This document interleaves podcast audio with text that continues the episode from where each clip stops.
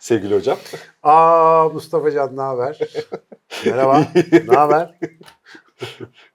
Bir pazar sabahı daha insanların kahvaltılarına eşlik ettiğimiz bir Can Canan programında. Yalan yok. Bir önce tam masada kahvaltı ettik. Vallahi feci gömdük onu söyleyeyim. Sarımsaklı fırında ekmek yedik ki o kadar bokunu çıkarttık mevzunun.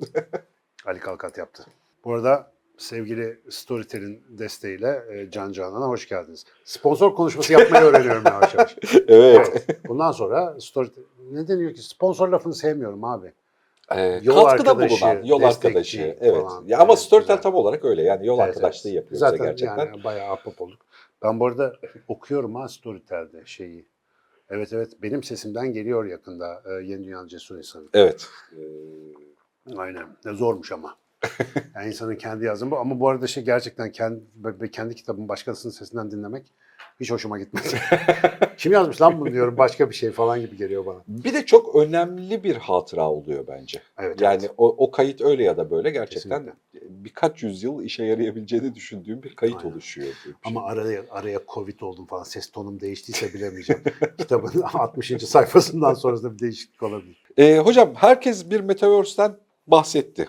Yani geçtiğimiz 3 ayın ana konularından bir tanesi bu biliyorsun. Biz biraz geç kalmış olsak da şu Metaverse hikayesini bir elden geçirelim istedim.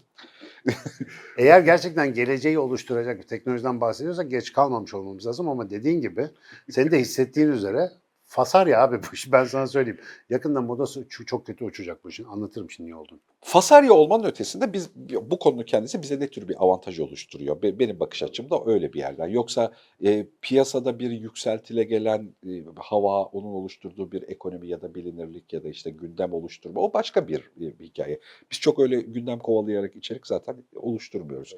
Ama bu konuda aslında yeni bir kültür şekilleniyor. Şimdi bir şey organize edilmeye çalışılıyor. Organize edilmeye çalışılan şeyde nasıl yer alıyoruz, nasıl yer alacağız? Bu bizi nasıl bir geleceğe doğru hazırlıyor? Aslında bunu konuşmak gerekiyor gibi görünüyor. İlk topu sana atayım hocam. Yaklaşık geliyor? 3 haftadır falan da ben aktif olarak böyle toplantılardan bir tanesi çok aydınlatıcı olmak üzere bayağı bir aslında konuşuyoruz bu konu üzerine. Şimdi Metaverse adı verilen kavram yeni bir ortam gibi gelse de aslında işte Facebook'un bu topa girmesiyle beraber Zuckerberg abimizin yaptığı PR ve promosyon çalışmaları neticesinde böyle devamlı bir hype diyorlar ya böyle yükselen heyecan oluşturan bir dalga haline geldi. Ee, aslında çok uzun zamandır var olan yani 5-6 senedir mevcut olan bir işte sanal gerçeklik, artırılmış gerçeklik vesaire teknolojileriyle de alakalı bir ortam aslında bu. Biz bir buçuk sene evvel bugün hani televizyonlarda haber bültenlerine konu olan o bak böyle yapılıyormuş, böyle ediliyormuş denen şeyi biz denedik ofiste. Sen de vardın. İşte girdik içeri, fuar alanları gezdik. Sinan Canan Metaverse'de nasıl konferans verecek? Ki o zaman Metaverse değildi, sanal fuar alanıydı o söylediğimiz şey. Ee, işte bizim Burçinler'le falan yaptık bunu. Ee, gayet güzel de çalışan bir sistem. Ve bu teknoloji uzunca bir süredir var. Şimdi yaygın kullanıma geçmeden önce, bu arada bunu da yeni öğrendiğim bir bilgi paylaşayım. Şu anda teknik olarak eş zamanlı olarak bir Metaverse evrenine bağlanabilecek insan sayısı sınırlı. Binler düzeyinde sınırlı. Maksimum 10 bin kişi alınabiliyormuş şu anda. Ve sırf bunun için de e, Mark Zuckerberg başta olmak üzere bu işin altyapı geliştiricileri, bütün donanım geliştiricileri ve işte teknik insanları, mühendisleri davet ediyorlar. Gelin bu kapasiteyi arttıralım diye. Yani şu anda kompütasyonel bilgisayar gücü açısından bir sınır var. O yüzden kitleleşebilecek bir teknoloji olmadı henüz Metaverse meselesi. 10 bin kişi de fena bir rakam değil ama hani 5 milyar insanın internet kullandığı bir dünyada bu çok düşük bir rakam. Dolayısıyla bir kere onun artması gerekiyor. Bu bahsedilen distopik ya da ütopik geleceğin hayata geçebilmesi için. Artı e, şu anda hemen hemen bütün markalar o aydınlatıcı dediğim toplantıda e, arkadaşlarla yaptığımız görüşmede ben bayağı çok şey öğrendim. Şu anda birçok marka kendi Metaverse evrenini yaratıyor. Bunun Türkiye'de de çok ciddi çalışmasını yapan ekipler, şirketler var. Ve bu yaratılan ortamda tamamen o markanın istediği ya da o markanın sunmayı arzu ettiği bir deneyimler setini e, gerçekleştirebileceğiniz bir aslında bir boşluk tasarlanıyor. Böyle hakikaten bir evren tasarlanıyor yani. Ve bu evrenin içerisindeki her bir piksel de her yaptığın her şey yani oradaki evdir, taştır, kuştur ne yapıyorsan işin içinde. Bunların hepsi de o işte NFT denen non-fundable token mı ne onun tam açığını hala öğrenemedim. Dijital bir varlık. ve dijital varlık olarak tasarlanıyor. Dolayısıyla yaptığın metaverse evreninde ürettiğin her türlü malzeme dijital ortamda blok, blockchain ağı üzerinde silinmez kayda sahip bir emtia, bir nesne ve eğer senin evrenin popüler bir evren olursa oradaki her şeyin de değeri, fiyatı ona göre artıyor. İşte insanlar arsa marsa alıyor falan diyor. Baba dedim nedir bu yani bir de mevzuyu bilmiyorum hakikaten. Hocam dedi aslında NFT satın alıyorlar, pikseller satın alıyorlar ve yarın bir gün buralar çok değerlenecek kafasıyla pikniğe gittiğin yerde arazi alır gibi insanlar şu anda arazi oluyorlar orada. Şimdi bir bir kere bu tip teknolojilerin tamam internette önce öyle başladı. E, iki büyük amaca hizmet eder her zaman. Oyun ve pornografi.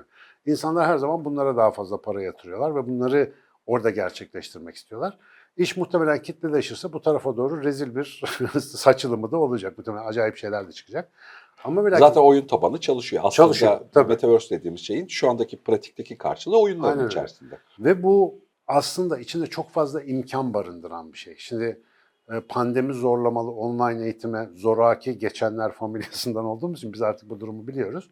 Yani dijital imkanları mesela eğitimde kullanımı diye bir kapı açıldı bizde. Senelerce insanlar anlatıyor olmasına rağmen zorda kalınca uygulamanın yolunu çözdük.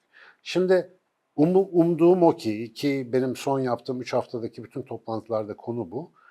Bu metaverse dediğimiz imkan, nimet işe yarar bir şekilde nasıl kullanılır? Konu bu. Ama ortamdaki tartışma haline bakıyorum. Millet bir buradan rant devşirmek, iki nasıl eğlenirim, üç e, affedersin işi yiyip içip işeyip sıçmadan ben nasıl burada duracağım? Herkes bunun derdinde şimdi.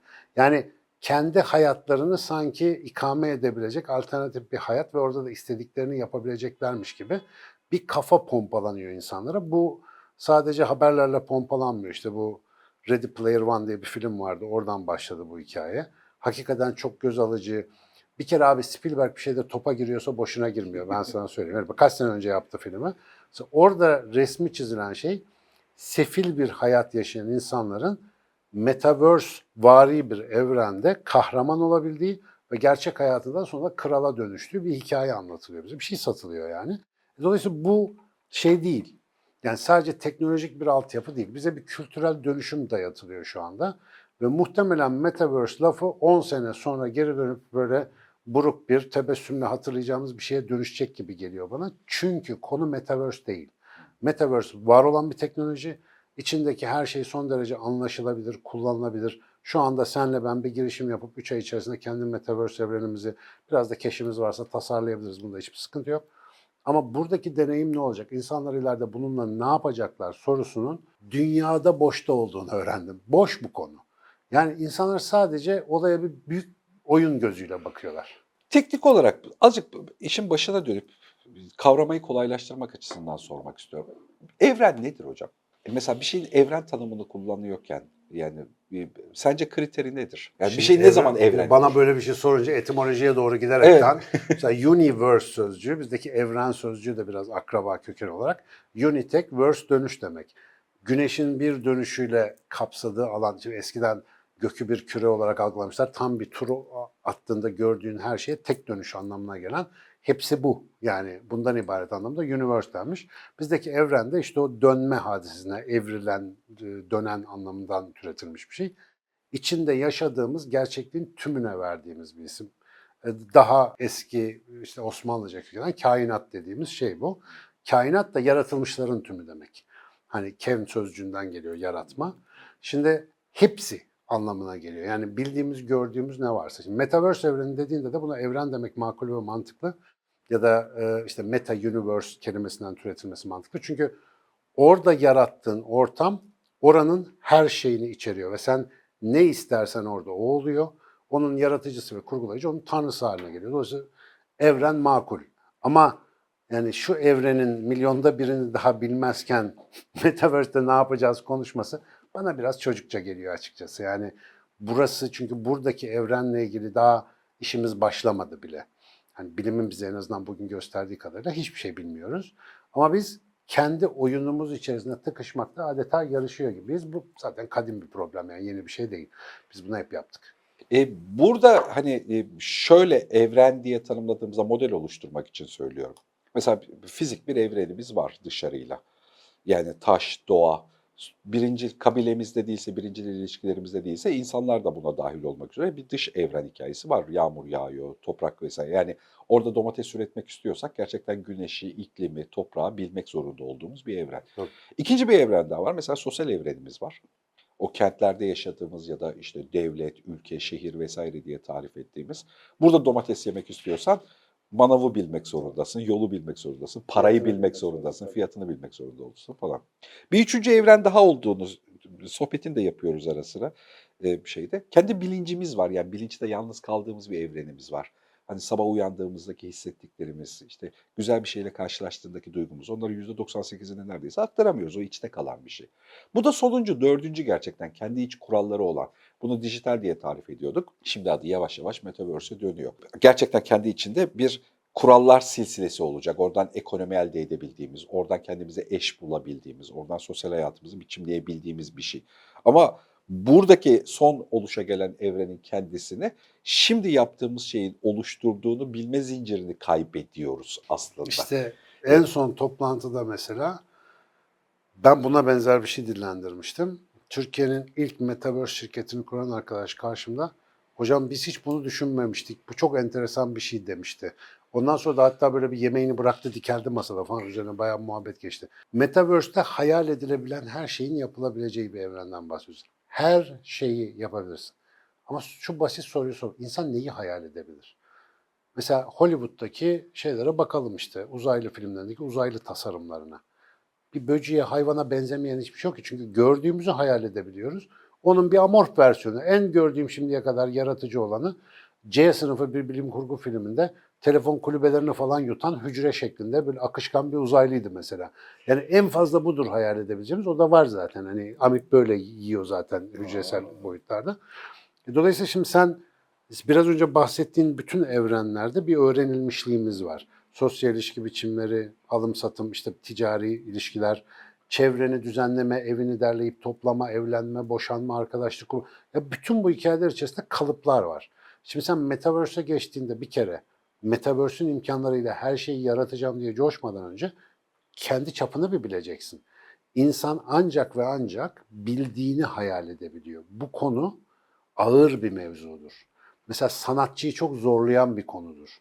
Yani sanatçının yaratımı da kültürel birikimiyle çok sınırlanır mesela. O yüzden yerel üretimler hep bellidir yani insan kültürünün çocuğudur falan filan. E şimdi sen burada aslında bir sanat yapacaksın. Yeni bir evren yaratacaksın. İddia bu. Yapamayacaksın. Çünkü buradaki sınırını bilmiyorsun. Kendini bilmeyen insan metaverse'e girecek bu sefer. Ve tas tamam yani o muhabbette de aynı örnek gelmişti. Benim yani hayatımın en önemli karikatürü olabilir. Selçuk Erdem'in o çölde önüne iki tane sırık saplanmış bir adam var. İki sırığı tutup diyor ki çıkarın beni buradan ben deli değilim diye. Çöl bomboş bir herif iki sırığa tutunmuş. Yani şu anda insanın durumu hep bu. Güzelmiş gerçekten. Tabii muhteşem bir karikatürdür o. Şu anda mesela Metaverse'e girsek durumumuz bu. Hakikaten manyak gibi ayrıntı üretebileceğiz. Bir sürü inovasyon yapabileceğiz ama bütün hani kuantum olasılıkları düşün. Olabilecek her şeyin yanında hiçtir hayal edebileceğimiz kısmı. Dolayısıyla böyle bir konuda kendi gözümüzü kendi ezberimizle boyama konusunda çok mahir olduğumuz için orayı cafcafla, tantanayla, oyunla, imkanla, yöntemle doldururuz ama kendimizi bir tık geliştirecek bir şeyi hayal edebilmek metaverse içinde yapabileceğimiz bir şey değil. Dışarıda onu kendi içimizde, gerçek dünyada hatta o iç bilinç benliğimizde, içsel benliğimizde o sınırları kırıp aşıp orada işte yani tabii hafta sonu oturarak çay içerek olmuyor bu iş. Yani belki bir ömür yatırılacak bir şeyden bahsediyoruz. O bütün ezberleri, insanlığın bütün üzerimize kalmış iz, pas, kurumu ve onunla beraber çok güzel deneyimlerini de doğru bir şekilde ayıklayıp ya bak bu hatalar insanın özünde yer alır. Dolayısıyla bunlardan ari bir şey kurmak için bir niyet edelim gibi bir niyet koymadan bu iş güzel olmayacak. Özetle o arkadaşlara da aynı şeyi anlattım. Ben her yerde aynı şeyi anlatıyorum. Mesela insanın fabrika ayarlarını bilmeyen adamın Metaverse'e girmesi boş iş. Yani Metaverse'ü gerçekten insanda seviye atlatıcı bir deneyime dönüştürmek için önce bunun ne olduğunu bir bilmen lazım. İnsan dediğim varlık. Çünkü oradaki deneyimi tasarlayacak olan da, yaşayacak olan da, alıp satacak olan da o. Mesela çok önemli problemlerden bir tanesi çok uzunca bir süredir dünya çok kapitalist bir etkinin altında ve tek bir bakış açısının kapitalizm olduğu zannediliyor. Mesela bu dönemde bir şey yaptığını gördüğüm insanların büyük bir kısmının anlam zemininde bunu sorgulayacak bir background ya da yetkinlik ya da tarihsel beceri olmadığı için sadece yapabildiğini yapıyor ve sadece kapital bir zihinle organize ediyor. Halbuki ka- yani kapitalist bir bakış açısı bir modeldir ve dünyada uygulana gelmiş modellerden bir tanesidir. Bambaşka şekilde düşünmek de mümkün dünyanın kendisini. Bu ama hiç bununla alakalı bir şey öngörülemiyor. İster istemez başarı ya da sonuç sadece bununla olurmuş gibi görünüyor. Bu da kırılganlık hikayesi. Senin şu cümleyi söylemene e, imkan verecek olan geçmişini bir düşünsene. Kaç on sene yaşadığın şeylerden sonra sen bu cümleyi kurabiliyorsun. Yani insanların bu tarz kısa ve sarih, basit görünen cümleleri kurabilmesi için belki çok çizgi dışı bir ömür yaşamaları gerekiyor. İşte insanların çoğu bunu yaşayamadığı için ya başka bir şey düşünmeyi bırak öyle bir şeyin varlığından şüphe bile etmiyorlar. Yani bu hep budur. Ne var canım bunu bilmeyecek. Yani tabii ki para kazanacağım, tabii ki büyüyeceğim. Hani şirket kurup abi o kadar da büyümek zorunda değilsin dediğin zaman adama küfür edermişsin gibi geliyor. Dinine küfür edermişsin gibi geliyor. Çünkü öbür bir alternatifi hiç görmemiş. Mesela doğaya hiç bakmamış. Doğada bunun tam tersi olduğundan haberi bile olmamış. Biyoloji dersi alsa bile hocası onu anlatacak kapasitede olmadığı için, görmediği için ona onu anlatmamış. E, dolayısıyla böyle bir hayal dünyasıyla sen gelip yeni bir evren yaratsan kendine yeni bir kubur yaratacaksın yani yeni bir çukur, yeni bir tuzak kuracaksın kendine aslında. Bizim gibi teorisyenlerin dikkat çekmesi gereken kısımlar hep bu olmuş. Ama pratik bunu hiç dinlememiş. Hep aynı hatalara düşmüş. Ben hep umudumu muhafaza ediyorum çünkü oradaki yediğimiz tokattan sonra da birileri diyecek ki abi Metaverse'ün fabrika ayarları lazım falan. Öyle bir hikayeler çıkacak. Niye burada bu kadar sıkıntı çekiyoruz da falan yani kötü sonuçlar üzerinden tekrar düzeltmeye gideceğiz ama biz gene de e, çocuksu bir umutla topa girmeden önce en azından yazılımcı, mühendis, tasarlayıcı ya da bu işin kurgulayıcısı olanların acık daha kendi uzmanlık spotlarını dışına çıkıp görebildiklerinin dışına bakıp ya şu yani insan nedir, bilgelik nedir falan öyle gereksiz işlere biraz zaman ayırması Bir lazım. de böyle bir teknolojik yatırımın sonuç vermesinin artık tek bir başarıya bağlı oluyor.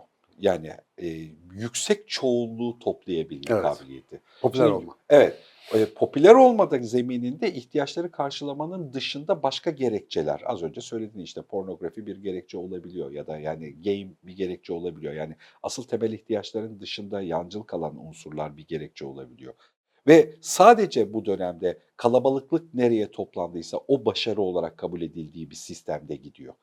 E, halbuki aslında bu böyle değil yani hani alt kırılımlarına baktığımızda. Metaverse'e girenleri, isteyenleri edebiyat ve sanat tarihi konusunda görülmemiş yöntemlerle süper donanımlı hale getirebilecek ultra teknolojik bir metaverse koyduk. Kültür metaverse'ü tamam mı? Kültürverse. Giriyorsun oraya abi. Dali ile sohbet edebiliyorsun, bilmem ne Ki bunu yapabiliyorlar artık yapay Yapılıyorlar, zekayla. yapıyor. Ama şimdi düşün, bunu açtın, milyonlarca dolar masrafı ettin. Dali'nin bilmem nenin işte birebir modellemesini yaptın. Leonardo da Vinci ile kahve içiyorsun falan. Kaç kişi gelir abi buraya? Şimdi sorun imkanın olması değil. Bunu tercih edecek insanın zihin yapısı.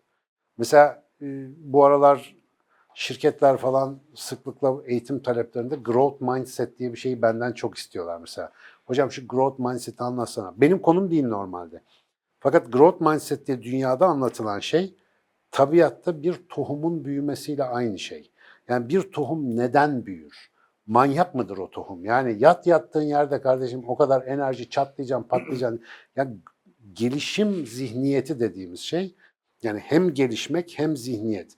Gelişmek doğanın doğasında olan bir şey. Tabiat böyle yani gelişiyor sürekli. Evrim evrim bunun bir parçası. Zihniyet ise yapmaya çalışmaktan ziyade olmakla alakalı. Öyle olmaya durmak. Artık başka şansının kalmaması. Şimdi kaç insan böyle?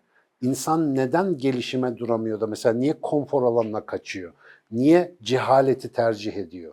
Yani yeni bilgiye ihtiyacı olmadığı kararını ona verdiren şey ne?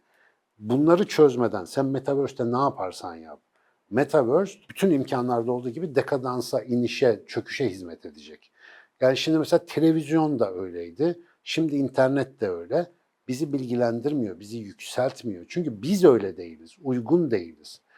Sen kişisel düzeyde yıllarca entelektüel bilmem ne yapmışsın. Açıp baktığında Google'da aradığın şey sana fayda sağlayabiliyor ama insanların yüzde doksanından fazlası böyle bir pusuladan mahrum maalesef. Dolayısıyla burada imkanı konuşurken insanı konuşmazsak imkanın hiçbir önemi kalmayacak. Yani hep hep takıldığımız yer orası. Ben mesela ne zaman yani kendimi havalı hissediyorum. Ne zaman masaya otursak konu ne olursa olsun. Metaverse masalarında da böyledir. Ama insan deyince ne olmuş insana falan diye konu bir açılıyor. Bir süre bakıyorum top sürekli benim ayağımda dönüyor. Çünkü hiç kimsenin gündeminde böyle bir şey yok. Bu bir taraftan kişisel olarak havalı ama bir taraftan çok üzücü. Abi konuşuyorum herkes insan. Onların da hakkı var. Bunu bilmeye, bunun bu yolda bir şeyler yapmaya. Onların da hakkı var. Gerçekten. Ve hani ya ben bir sistem kuracak olsam Gerçekten bak bu bölümün adını hani anlaşılabilir olsaydı böyle koymak isterdim. Onların da hakkı var insan olmaya. İns- ya insan hakkında kafa yormaya hakikaten herkesin hakkı var. Ama böyle bir şeyden şüphe duymamız gerektiği bile öğretilmiyor bize. Yani böyle bir sorunun varlığından haberdar değiliz. Ama her seferinde gidince baltayı taşa vurduğumuz onlarca teknolojik ve dönemsel şeye bakalım, atlamamıza, sıçramamıza. Ya Metaverse'den mucize beklemek aptallıktır yani. Metaverse daha dipten verilerinden, zaaflarımızı daha iyi sömürecek bir ortamın kapılarını açacak. Bunu yazılım mühendisleri bilmem neler yapmayacak. Biz tercih ederken yapacağız. Biz ona daha popülerlik sağlayacağız. 10 bin kişinin girebildiği yerde yani senin kültürel, teknik, bilimsel, eğitimsel amaçlarla kurduğun metaverse'lere 5 kişi girerken öbür taraf kapılar yığılacak. 100 bin kişi sırada bekleyecek. Token alacak orada. Böyle olacak bu iş. Ve bunu görmedikten sonra, bu arada bunu görmedikten sonra diye şey yapmayayım. Bunu çok iyi görüyorlar. Buna göre içerik hazırlıyor. O yüzden Evet, evet. Böyle çok Zaten naif düşünceler. Hani insan zihnini açacak yeni bir kitabı. Ya, Böyle bir şey yok yani. Para belirliyor abicim her şeyi. Biz o döngüden çıkamadıkça ha işte hep ne diyoruz? Tamam çoğunluk böyle olabilir. Çoğunluk çöküşe gidiyor olabilir. E biz de açık beyin kurarız. Açık beyin kurarız, kendimizi koruma altına alırız. Kendi metaverse'ümüzü yaparız. Beş kişi gelir, ciğerden gelir. Anlatabiliyor muyum? Ya biz bize takılırız. Ki işte böyle bir şeyi sağlıklı bir metotla da yapınca yani uyumsuz değil de sisteme uyumlu yapınca 5 kişi de gelmiyor işte 500 bin kişi geliyor yani hani Tabii, bir tabii ki. şeyde. Aynen. Aslında o kadar da yalnız değiliz, Değiliz. dünyada. Herkesin problemleri ortak Ee, ve yani o Kalabalıkta diliyor olduğu için az gözüküyor. Evet, yani seyreliyor. evet evet evet. dağılıyor. Mesela böyle odaklar o yüzden lazım. Ben, ben mesela açıkça söyleyeyim yani konuşuyoruz. Hep üzerine fikir bulunuyoruz, hep buraya tıkanıyoruz. Mesela Eduverse diye kodladığımız bir fikrim var benim. Yani bunu bir gün biriyle yapacağım ben. Yani tamamen mekansız bir öğrenme ortamı ama teknik bütün imkanları kullanarak felsefeden sanata, bilimden politikaya her şeyi hakkıyla öğrenebildiğin, deneyimsel olarak öğrenebildiğin bir öğrenme evreni tasarlamak zorundayız. Ve bunu artık yani bir kişi, bir grup, bir devlet yapamaz. Evet, Bunu evet, çok evet, uluslu bir çabayla insanlık bilgisinin istifadeye sunulduğu bir yere dönüştürülmesi lazım. Devlet yapamazdaki kasıt bütçesi yetmediği için değil. Aslında mesela birebir şeffaf demokratik ortam organize edemediği için yapamaz. E, tabii Çünkü ki. böyle bir yapı için mütemadiyen dış bilginin şeffaf bir şekilde kaynağa doğru hareket ettiği bir sistem kurmak zorundayız. Bizim en çok zorlandığımız konulardan bir tanesi bunu anlatması bile zor. Tabii. Yani buradaki karar verme mekanizmasını bir patron gibi yukarıda tek bir şey değil. Orası karar verme değil, kanaat önderliği mekanizması. Altında karar vermeyi aslında beraber paydaş olduğun yapılarla gücü ve isteği oranında paylaşarak ilerlettiğin bir sistem organize etmen gerekiyor.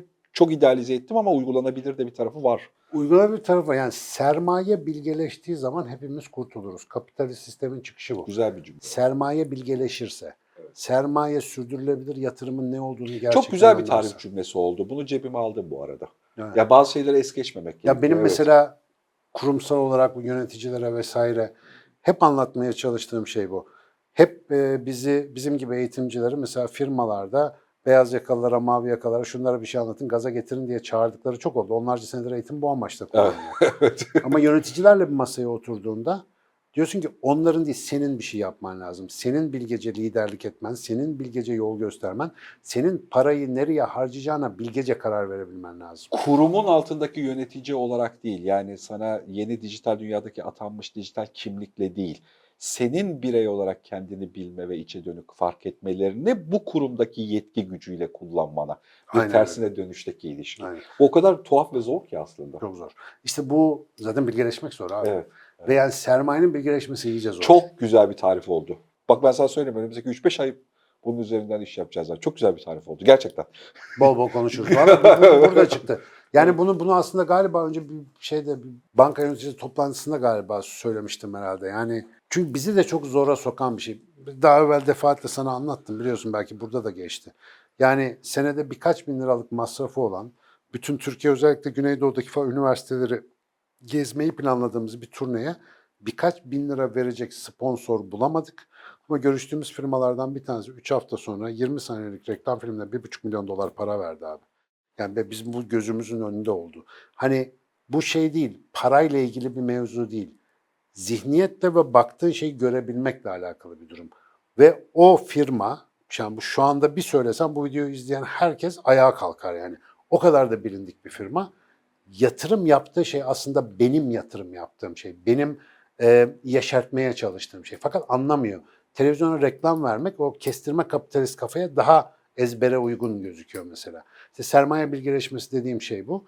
Ve Metaverse'ü finanse eden kişiler, buna para yatıran kişiler. Bunlar yazılımcılar olmuyor. İşte o takımlar değil. Onun üstüne finanse eden bir grup. Para kazanacağım aptallığıyla girerlerse amaçlarına ulaşacaklar. Yani kesinlikle ulaşacaklar. Çok güzel oyuncak. Ama ya ben yarına bir şey bırakacağım abi. Ben kültür taşıyıcısı bir canlıyım ve gelecek nesillere adımı hatırlamasalar bile e, taşıdığım kültürel hediyeyle katkıda bulunacağım diyen bir sermaye bambaşka bir şey yaratır. Burada bir, bir problem daha var. Gerçekten çok sıkıntılı bir hal. Sermaye çok büyüdüğünde bunu yapmak çok zorlaşıyor. Elbette. Asıl bunu yapabilecek sermaye orta sınıf sermaye. Aynen öyle. Yani orta ölçekteki gelir e, grubu ve son e, pandemiyle beraber dönemde en büyük zarar gören yapı da bu orta sınıf sermayeymiş gibi görünüyor. Evet. Sermaye büyüdükçe bunun yapılamazlığı oluyor. Şundan kaynaklı. Sen diyorsun ki oraya 20 milyon lira harcadı, reklam filmi çekti. Reklam filmi çekmeye harcadığı para 500 bin lira, 1 milyon lira. Geri kalan 19 milyon lirayı reklam satın almaya harcıyor. Satın alma da kendi şirketi. Şimdi bu, bu, bu yapıyla böyle baktığında yani sistem böyle döngülendiğinde ondan kaçınamaz oluyorsun. Oraya o parayı verecek o da sana buradan bu parayı verecek Kapalı kan dolaşımı. kan dolaşımı sağlanabilsin. Bravo. O yüzden kaçın yani daha yüksek bir cesaret ve daha bilgece bir tercih gerekiyor işin arkasında. O gol yatlaşmadan, yeterince büyümeden, o çok doğru bir hatırlatma o. Orta ve orta büyük Evet. ölçeklerdeki sermayelerin, firmaların vesaire yani bu konuyu hakikaten çok ciddiye almaları lazım. 1930'lu 40'lı yıllarda IBM şirketinin politikası her sunumumda anlatırım, her yerde söylerim. Temel bilimci, hiçbir teknik iş yaptırmadığı temel bilimci istihdam edecek kadar ileri görüşlü bir şeydi. IBM'in sonra ne olduğu malum yani dünyaya hakim bir bilgisayar şirketi haline böyle geliyor bu insanlar. Böylece bir kültür yaratıyorlar, yepyeni bir çağ açıyorlar aslında. Fakat bunu öyle diye mi yani yeni bir çağ yapalım bir mühendislikle mi yapıyorlar? Hayır. Bilgelik böyle bir şey işte.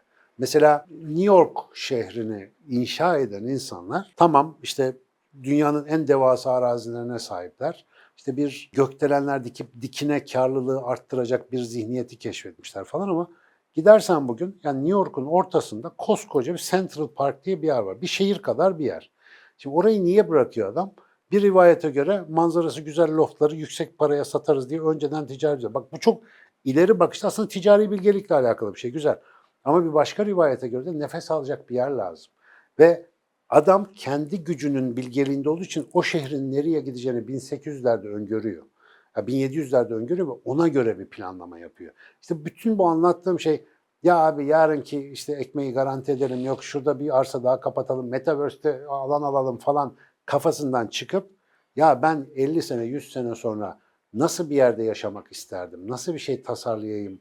Kafasıyla bakabilme cesareti. Bunu da dediğin gibi çevik sermaye yapabilir. Yani öyle bilmem ne holdingleri olmuşsun orada bunu döndürmek zor. Algoritmalar karşısındaki halimizle alakalı Akan Abdullah yeni bir kitap yazmış. Ben böyle birkaç hafta öncesinde rastladım. Storytel avantajıyla da Rup diye de okudum.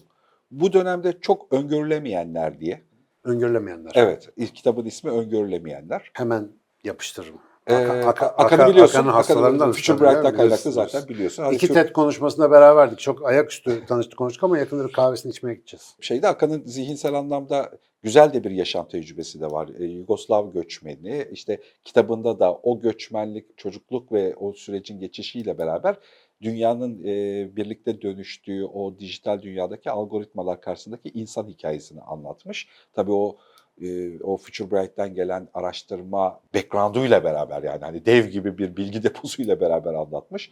Çok da lezzetli bir hikaye grubu olmuş. Bambaşka bir yerden açık böyle devrimci bir ruh da eklemiş işin içerisine yani. Onda öyle bir hafif pesimist devrimci havası var. Ha ha yani, yani hani öyle, öyle bir ruh da eklemiş. Ben çok beğendim gerçekten. Bu konuya bakmak, Metaverse'ün içerisinde algoritmaların karşısındaki o insan hikayesine sen mesela biyolojiyle beraber bakıyorsun ve insanın fabrika ayarları diye gerçekten çok üstten ve bütüncül bir çözümle bir şeyin var, kuramın var bakış açısında. O da bir çözüm sunmuyor ama bir alternatif yani bak bu konuları böyle ele alma. Öngörülemeyen biri olmak, algoritmanın seni fark edebil fark edebileceği sınırların dışına çıkmakla alakalı bir şey oluşturmuş, bakış açısı Yeni dünyanın oluşturmuş. cesur insanı Evet. kitaplarından biri o zaman. Evet. Storytel'de de çok güzel seslendirilmiş. Eğer istiyorsanız 14 gün ücretsizi de var Storytel'in. Hani girip çıkıp falan öyle şeyler de Vallahi denilebilir. Kitap okunabilir. Evet. Tamam ben de hemen dinlemedeyim abi. Ak- Akan'la gitmeden önce ders çalışmış olalım. evet evet güzel iş olmuş gerçekten. Biz bizim Sıbam'daki ekibin hemen hepsine yönlendirdim e, birkaç hafta öncesinde. Yani bu e, ben bu kadar e, Metaverse mevzuyla konuştum. Şunu da en son çıkmadan söyleyeyim. Metaverse'ün hakikaten uygulama alanları konusunda neredeyse sıfır bilgi sahibiyim. Yani Metaverse teknik bilgim oldukça az. Fakat insanı biraz tanıyorsam bu işin nereye gittiğine dair en azından şu anda bildiğim yerler buralar. Ama daha çok mecburen gireceğiz bu konu için. Bakarsın yakında açık beyin bir açık beyin börsü olur yani neden E, olmasın? e, doğası gereği çünkü açık beyin içerisinde bir sürü değişik katman ve tecrübeden gelen insan var. E, bir bölümü de Metaverse'ü taşıyacak içeriye. Hani Aynen doğası gereği onu Ki taşıyorlar şu anda. Taşıyorlar da şu anda Evet. yani üzerine konuşuyoruz. Hadi hayırlısı bakalım. Hocam, bu konu çok gebe bir konu. Konuşacağız üzerine. Evet, yani evet. Daha, daha üzerine geleceklerimiz var. Kendine dikkat et.